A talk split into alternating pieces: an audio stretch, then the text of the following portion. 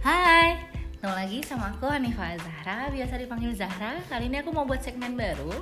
Uh, jadi aku ngobrolnya gak sendirian lagi, ada tamunya. Uh, segmen baru ini namanya cerita Zahra Ahyar. Jadi obrolan sehari-hari yang ringan uh, bersama Ahyar. Uh, kita mulai aja. Kali ini aku mau bahas atau ngobrolin sedikit tentang terorisme kebetulan akhir ini uh, dari psikologi yang psikologi peminatan psikologi sosial. Jadi uh, dia belajar lebih dalam lebih dalam daripada aku sih tentang uh, terorisme ini. Gitu. Hai Ahyar. Hai Ahyar. Kasih hai dong. Hai, ha halo hai. semua. Halo semua ya. Oke kita mulai. Semoga uh, selamat menikmati dan semoga bermanfaat Oke, baik. Um, akhir, akhir. Uh, Sebenarnya aku penasaran sih. Maksudnya aku kan nggak belajar tentang itu ya. Sebenarnya terorisme tuh apa sih dan kenapa sih terorisme itu bisa ada gitu? Boleh dijelasin atau diceritain? Ter terorisme terorisme, terorisme. Oh iya iya, terorisme. Terorisme itu banyak def yang banyak definisinya. Biasanya de definisi terorisme itu dihasilkan oleh pemerintah suatu negara atau institusi politik. Dalam hal ini yang mengeluarkannya itu bisa dari PBB atau pemerintah suatu negara. Tapi kalau misalnya dilihat dari berbagai macam definisi-definisi yang ditawarkan oleh institusi-institusi resmi itu bisa di bisa dikatakan bisa disimpulkan terorisme adalah kegiatan yang direncanakan oleh sekelompok orang hmm. yang memiliki ideologi tertentu, okay. bisa ideologinya berbasis agama, politik, dengan tujuan motif-motif politik yang sasaran sasarannya atau dampaknya itu menebarkan ketakutan atau teror atau okay. terorisme. Nah itu motifnya harus selalu politik kah? Iya, jadi kalau misalnya misalnya uh, kan ad, kalau misalnya motifnya tidak tidak politik, dia bisa bisa hanya jadi sekadar bullying gitu. Bullying itu kan ada teror juga, teror pada korban bully gitu misalnya. Hmm. Ditakut-takuti, tapi itu tidak termasuk dalam terorisme karena tidak ada motif politik di situ. Oke, maksudnya motif politik ini bukan sekedar kita milih presiden atau apa ya, tapi apa sih maksudnya motif-motif politik di sini tuh? Motif politik itu adalah motif tentang kekuasaan. Jadi ada upaya-upaya tertentu untuk mempertahankan atau merebut kekuasaan. Atau menunjukkan bahwa yang teroris itu lebih berkuasa? Enggak. Enggak. Oh, jadi untuk mempertahankan kekuasaan Bisa untuk satu mempertahankan. kelompok. Kalau misalnya kalau misal terorisme itu dilakukan oleh negara, negara yang sedang berkuasa nih. Negara bisa juga melakukan terorisme. Jadi dia menteror warganya agar kekuasaan tetap berlangsung status quo tetap berlangsung. Tapi kalau misal teror teror itu dilakukan oleh uh, bagian dari sekelompok orang yang ada di negara itu, maka dia ingin merebut kekuasaan. Nah, merebut kekuasaan itu adalah isu politik. Oke, kalau misalnya tadi bilang negara bisa, uh, apakah misalnya seperti kayak Orde Baru di Indonesia yang kepemimpinan selama 20 tahun itu juga bisa disebut sebagai 32 kali. 32 tahun. Sorry. Ya itu apakah juga bisa disebut sebagai uh, teror dalam tanda kutip?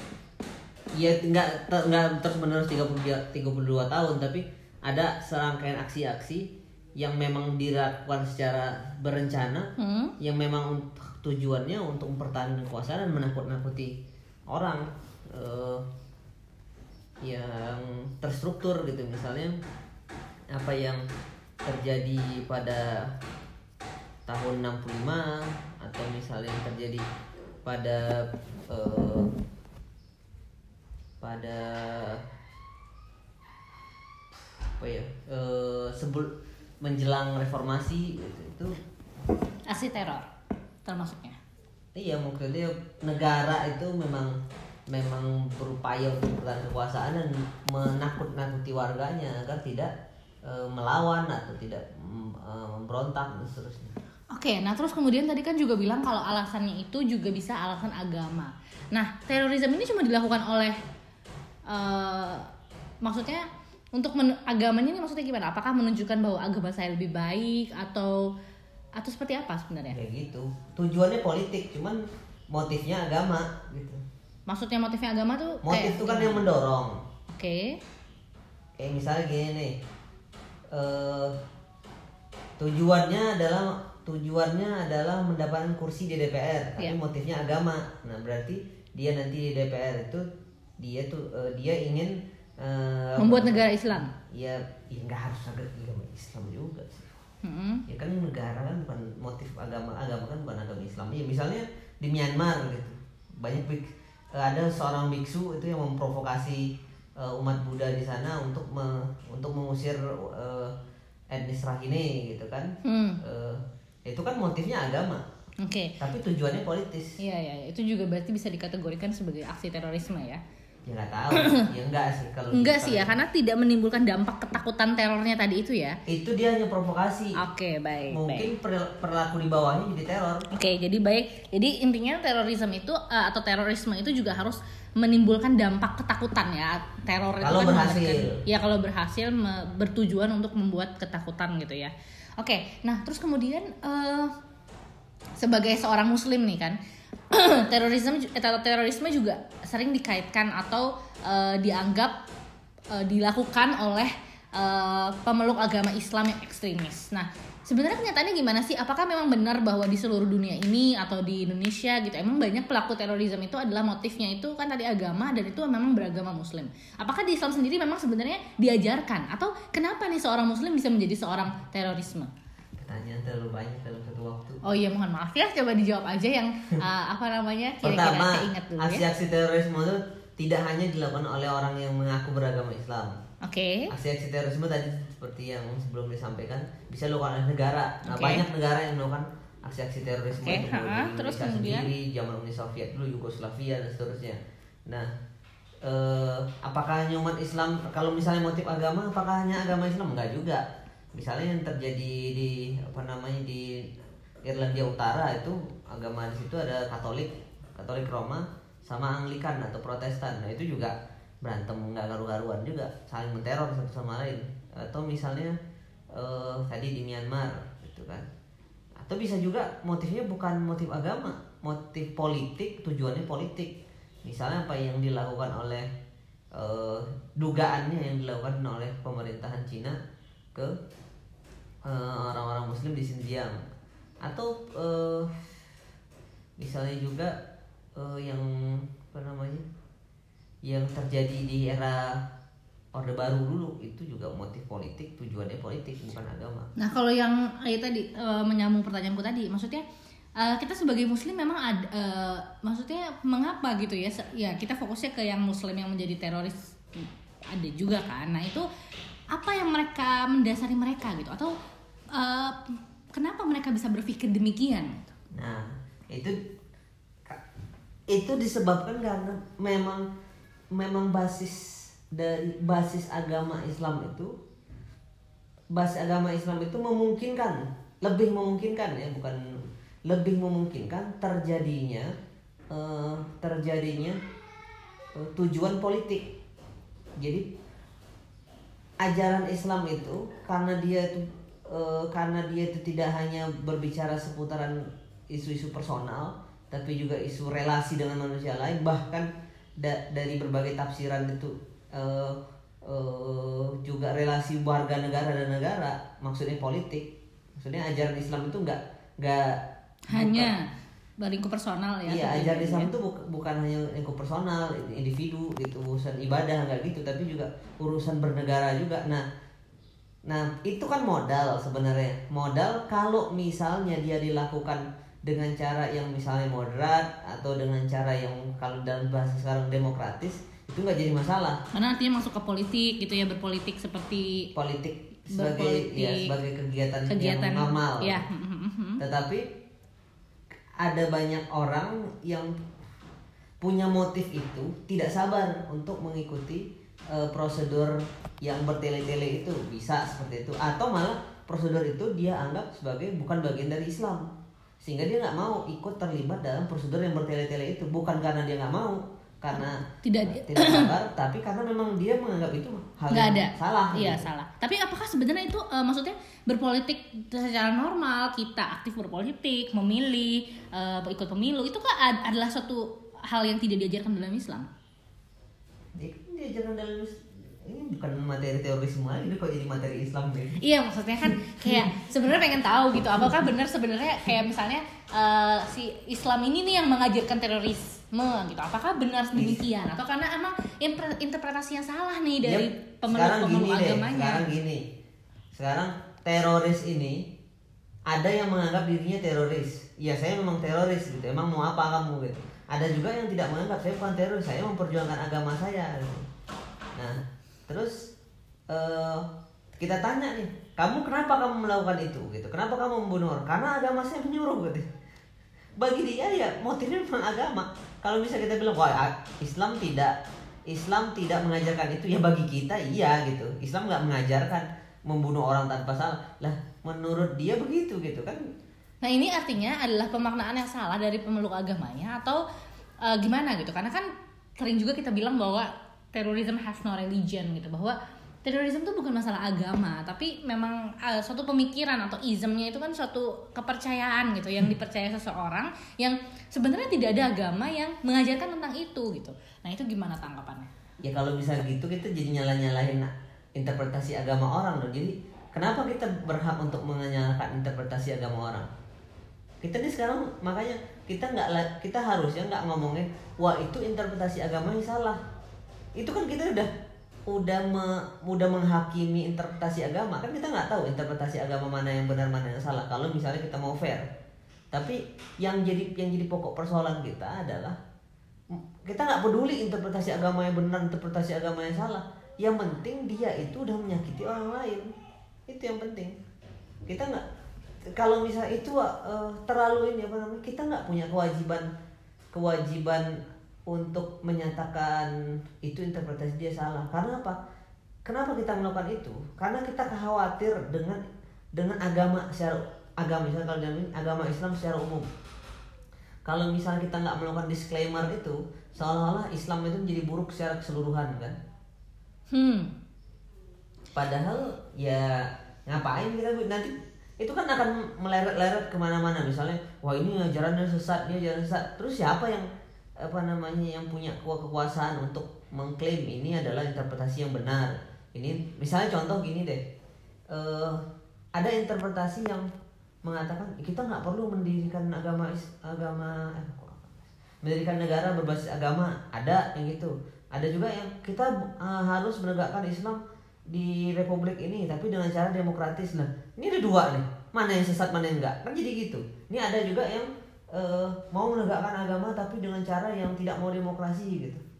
Nah ini kan eh, apa namanya ada juga yang mau menegakkan aga- eh, menegakkan Islam tapi tidak konstitusional tapi berdasarkan budaya aja. Jadi konstitusi tetap Pancasila tapi apa namanya se- secara spiritnya spiritnya Islam gitu. Itu kan interpretasi agama aja interpretasi agama dikaitkan dalam bernegara. Nah Hmm, kita hmm, hmm, kalau kita repot untuk eh mana nih yang sesat mana yang enggak? Akhirnya ntar ting- saling klaim saling klaim Oke oke oke ngerti ngerti. ngerti. Jadi intinya fokusnya bukan ke menyatakan bahwa seseorang itu salah interpretasi agamanya tapi Apa? bahwa menyakiti orang lain atau aksi terorisme itu bukan hal yang baik atau bukan hal yang benar gitu ya ya. itu aja langsung perilakunya Oke oke baik. Nah eh, kemudian kita ingat beberapa hari yang lalu ya ada apa namanya eh, Jumat, aksi maksudnya. ya hari Jumat kemarin ada aksi terorisme nih di Selandia Baru. terorisme Terorisme di Selandia Baru. Nah itu gimana tanggapannya eh, akhir terhadap hal tersebut gitu ya? Ih, tanggapan gimana sih tanggapan Maksudnya kayak eh, gimana nih gitu kan maksudnya di media sosial kan ramai banget nih gitu ya bahwa kebetulan kan muslim nih yang jadi korban Eh, sedang beribadah gitu kan Eh, atau yang ya, itu kadang-kadang itu susah tang kita tidak bisa tanggapi ya maksudnya itu adalah suatu hal yang Ya, emang itu eh, perilaku biadab udah. Ya tinggal lagi ini kita harus adil gitu. Oke. Jadi kalau misalnya ini menarik itunya ya. Kalau misalnya sebenarnya di, di beberapa aksi kan setelah kejadian itu yang penting kan responnya. Oke. Kejadian itu respon. Kalau misalnya orang muslim sebagian udah tentulah semuanya mengutuk lah kejadian itu. Nggak mungkin ada yang membela.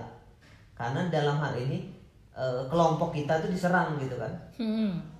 kelompok kita diserang sehingga kita mengutuk kebetulan kita punya kita punya nama buruk untuk itu namanya terorisme Hmm. kan kalau kita mau menyerang orang carilah cara untuk mendapatkan dukungan le- oleh lebih banyak bahkan melampaui kelompok kita gitu kalau kita sebut itu adalah aksi terorisme maka orang yang bukan orang Islam pun akan mendukung orang Islam gitu.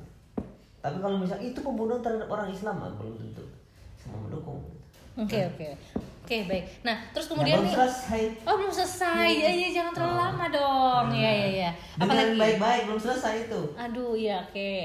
Nah, jadi itu eh, kita kita bilang itu terorisme. Nah, pertanyaannya adalah apakah ketika terorisme dilakukan oleh orang yang mengaku orang Islam, ada nggak yang membela perilaku itu? Wah, ternyata ada. Jadi ada aja tuh orang-orang yang eh, punya pandangan ekstrim yang punya simpati terhadap perilaku itu jika pelakunya seorang muslim.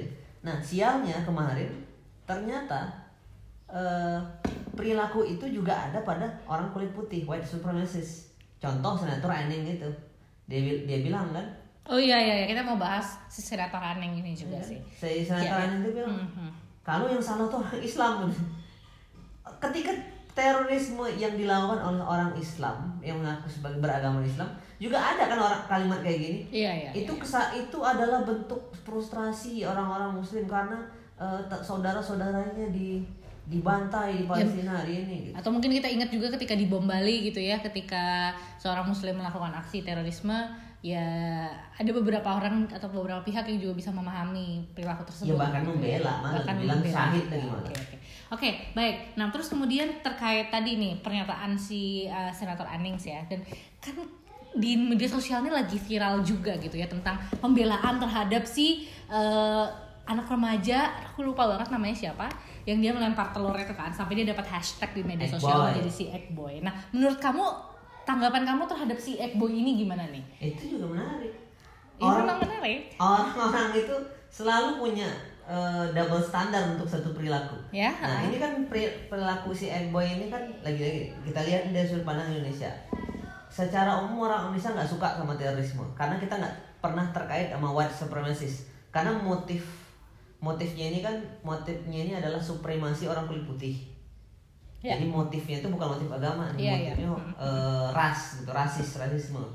Nah, tujuannya politik agar apa? Agar kekuasaan orang-orang kulit putih di negara-negara mereka terus bertahan, tidak digantikan sama orang-orang Islam. Nah, se- secara umum orang Indonesia itu melihat itu sebagai satu hal yang buruk. Kemudian ada orang yang membela perilaku itu, tentu kita kesal gitu, marah. Gitu. Terus si anak ini seolah-olah mewakili kekesalan kita, nyemplokin telur ke senator. Iya, iya. Nah dulu ada satu momen ketika Presiden Jokowi itu diundang ke UI. Terus ketua BEM UI mengacungkan buku buku lagu berwarna kuning dan mengatakan itu sebagai aksi kartu kuning. Banyak sekali yang menghujat si ketua BEM UI ini sebagai orang yang tidak sopan santun, tidak bermoral, whatever lah semua gitu. Eh, Kan bisa dengan cara elegan segala macam. Nah, kalau kita bandingkan nih, ini orang-orang yang ngomongin dua hal yang berbeda ini, tuh sering kali orang yang sama. Nah, di situ menariknya It's double standard. kok bisa ya kalau bisa kita eh, li- lihat secara secara fair mana sih yang lebih nggak sopan nyeplokin telur ke kepala orang tua apa ngasih ngacungin cuman eh, kertas berwarna kuning kepada orang di sana di jauh sana Kalau aku pribadi sih sebenarnya apa namanya? Kalau aku pribadi ya, kalau aku boleh ngomong nih ya, kalau aku pribadi sih sebenarnya nggak terlalu bermasalah sih dengan keduanya gitu. Awalnya sih aku pertama kali aku kayak ngelihat aksi si Ekbo itu aku biasa aja gitu. Cuma tadi pagi ketika aku melihat lebih dalam videonya, so aku berpikir lagi hal yang berbeda sih sebenarnya bahwa eh, agak nggak sopan juga ya gitu kan. Eh, apa namanya? mem- me- me- melemparkan telur seperti itu gitu kepada orang muda dan bukan cuma standar kesopanannya juga gitu. Eh, kalau aku pribadi nggak biasa melihat ada orang yang maksudnya mengeluarkan handphonenya dulu untuk merekam dan baru nyeplokin gitu. Jadi artinya adalah aku melihat se- aku nggak tahu sih sebagai psikolog mungkin aku melihatnya itu adalah aksi yang memang direncanakan untuk direkam gitu kan. Jadi kayak apalagi melihat bahwa anak ini remaja gitu. Mungkin gak sih ada faktor juga dia ingin menunjukkan eksistensi dia gitu di media karena setelah itu juga aku lihat di media sosial juga dia eh, apa namanya berusaha menggalang simpati gitu terhadap aksi yang dia lakukan gitu dari sudut pandang budaya timur kesopanan itu tentu nggak nggak sopan ya karena buatku malah itu lebih nggak sopan dibanding eh, ketua BEM UI yang mengacungkan kartu kuning. Karena kalau kartu kuning itu kan nggak kena langsung ke orangnya gitu. Dan itu juga masih bisa ada interpretasi yang berbeda. Ada orang apa? Ngapain tuh orang? Maksudnya nggak nggak langsung dipahami ya. Tapi kalau nyeplok orang tuh kan langsung kena ya istilahnya. Jadi kalau menurutku sih ini dari standar kesopanan lebih parah. Cuma ya aku setuju juga sih bahwa ketika orang-orang mengagung-agungkan si Ekboy ini bisa jadi mereka punya uh, standar yang berbeda gitu menghadapi uh, ketua BEM UI yang mengacungkan kartu kuning gitu. Tapi setuju gak kalau dalam standar kesopanan itu bukan hal uh, kesopanan budaya timur ya, itu bukan hal yang sopan atau bukan hal yang baik sebenarnya untuk dilakukan.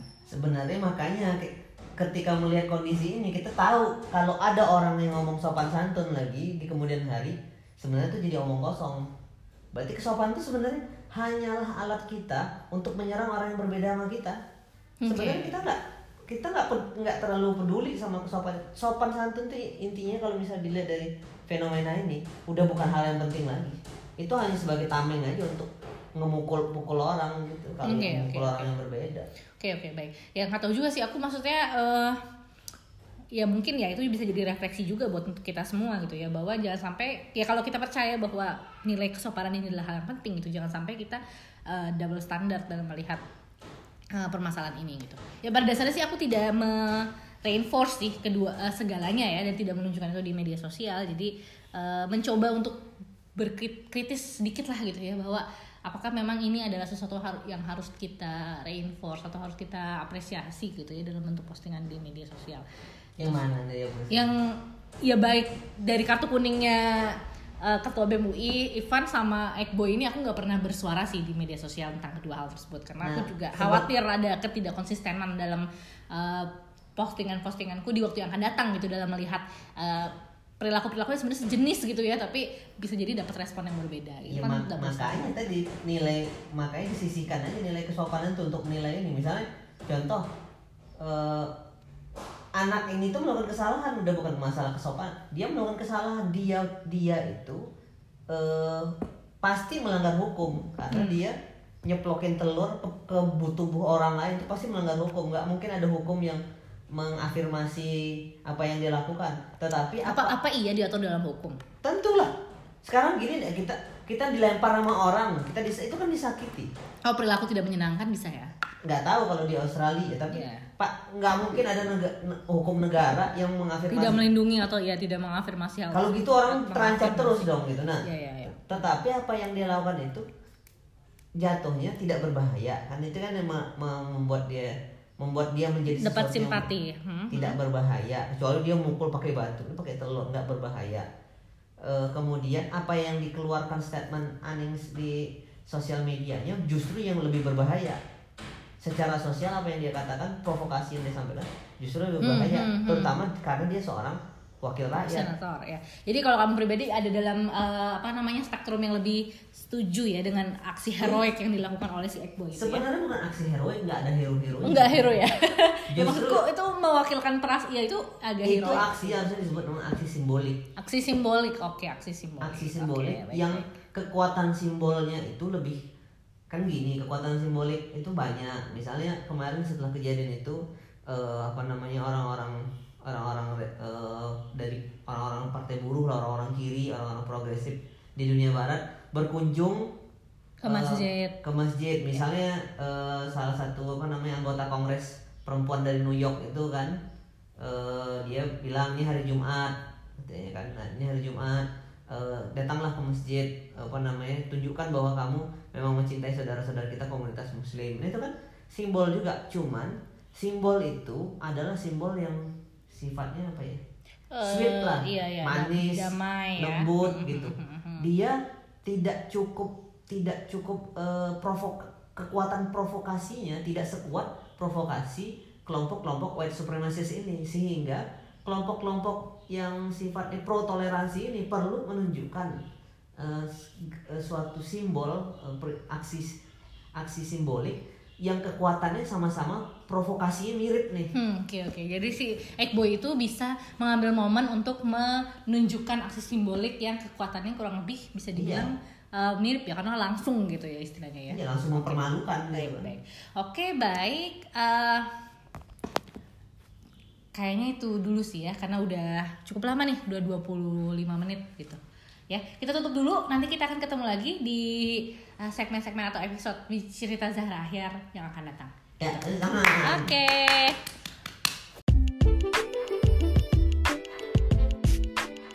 Oke. Ya oke gitu dulu teman-teman semua. Semoga uh, bermanfaat tadi apa yang kita obrolin. Semoga bisa menambah pengetahuan juga nih buat teman-teman terkait apa sih itu terorisme, terorisme, kemudian uh, motif agama di baliknya, kemudian juga sedikit tentang aksi simbolik dan mungkin double standar yang kita lakukan dalam kehidupan kita sehari-hari. Uh, kita ketemu lagi di episode berikutnya. Uh, sampai jumpa.